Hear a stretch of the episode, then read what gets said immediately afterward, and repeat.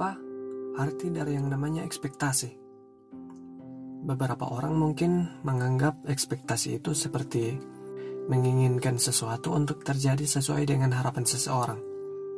Ekspektasi itu bisa diartikan dengan berharap. Berharap yang bisa dibilang dalam tanda kutip agak melebih-lebihkan keinginannya.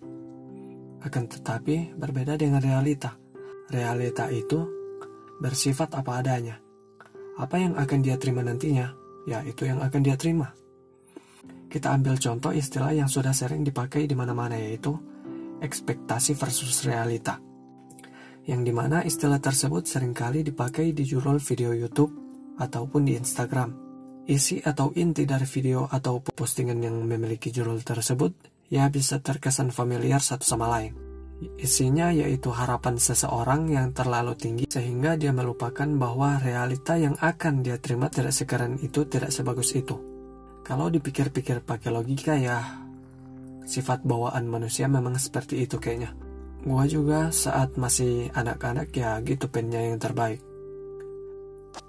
Gua pengen sharing satu pengalaman, pengalaman di mana gua pada saat masih sekitaran umur 8-9 tahunan lah. Gua lupa. Pas lagi ngetren anime atau animasi yang berjudul Naruto pada zaman itu. Pada zaman itu banyak banget yang pakai ikat-ikatan kepala kayak di dalam animasi tersebut gue yang masih bocah ya langsung berkeinginan buat dibeliin bokap ikat-ikatan kepala kayak punyanya teman-teman gue. Pikir gue pada saat itu, masa teman-teman gue pada make gue kagak ya kan? Nah, gue suruh lah bokap buat beliin. Udah nunggu satu dua hari, dibeliin dah tuh sama bokap gue. Tapi yang bokap gue beliin itu kualitasnya beda sama punyanya temen gue bro.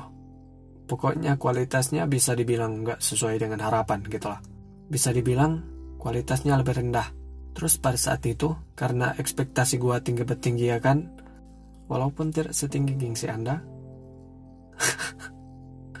gua yang masih anak-anak langsung datu rasain yang namanya patah hati. Nah, kejadian ini bisa dibilang momentum.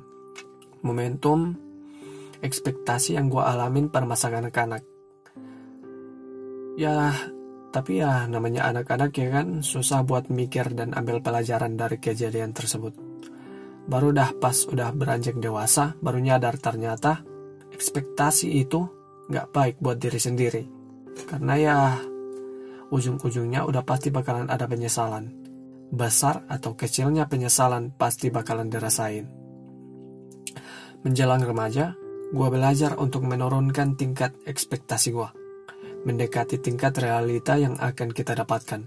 Kalau kata Aji Santoso, dengan melonggarkan mengharuskan hidup agar sesuai ingin, akan memperluas ruang kita untuk ikhlas menerima kenyataan. By the way, itu kutipan kata dari album kontemplasi Pilu Membiru yang dibuat oleh Kunto Aji di Spotify. Ya mungkin jika Anda perlu menenangkan diri sejenak dari keadaan dunia yang seperti sekarang, bisa banget dengerin album kontemplasinya Kunto Aji yang berjudul Pilu Membiru di platform Spotify. Di dalam lagu tersebut, menceritakan kenangan yang kita lalui dengan seseorang yang sudah tidak lagi ada di kehidupan kita.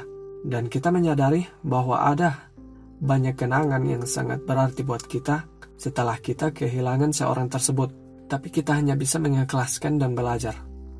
Jujur gue masih perlu banyak belajar tapi menurut gue belajar aja gak cukup.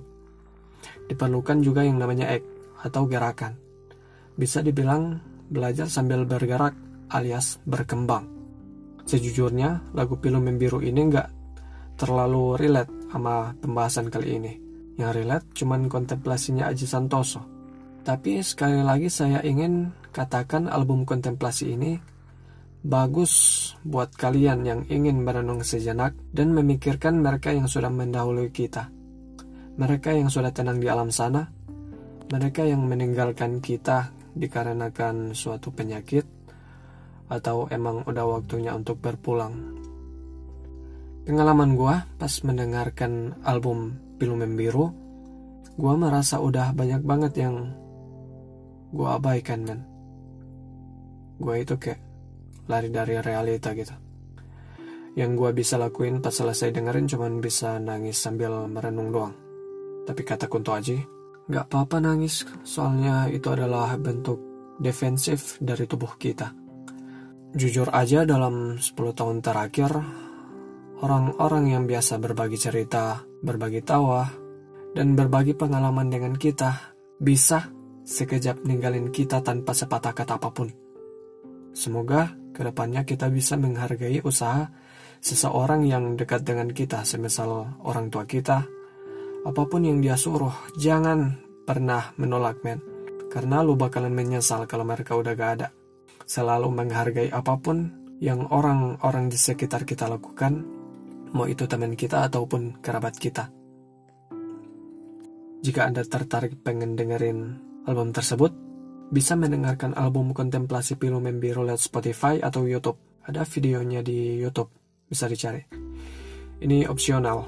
Kalau Anda termasuk orang yang rada dramatis mungkin bakalan work, tapi kalau Anda termasuk orang yang rada heboh, gue agak yakin men. So anyway, cukup sampai di sini untuk pembahasan kali ini. Ini podcast pertama saya. Terima kasih sudah mendengarkan. Jaga kesehatan dan di tengah pandemi corona, berusahalah sebisa mungkin untuk tidak beraktivitas di luar rumah. Kecuali yang harus bekerja di luar demi menghidupi keluarga. Selalu ingat untuk sering mencuci tangan setelah beraktivitas di luar saya Zain dari podcast Kacamata Minus. Terima kasih sudah mendengarkan. Selamat malam.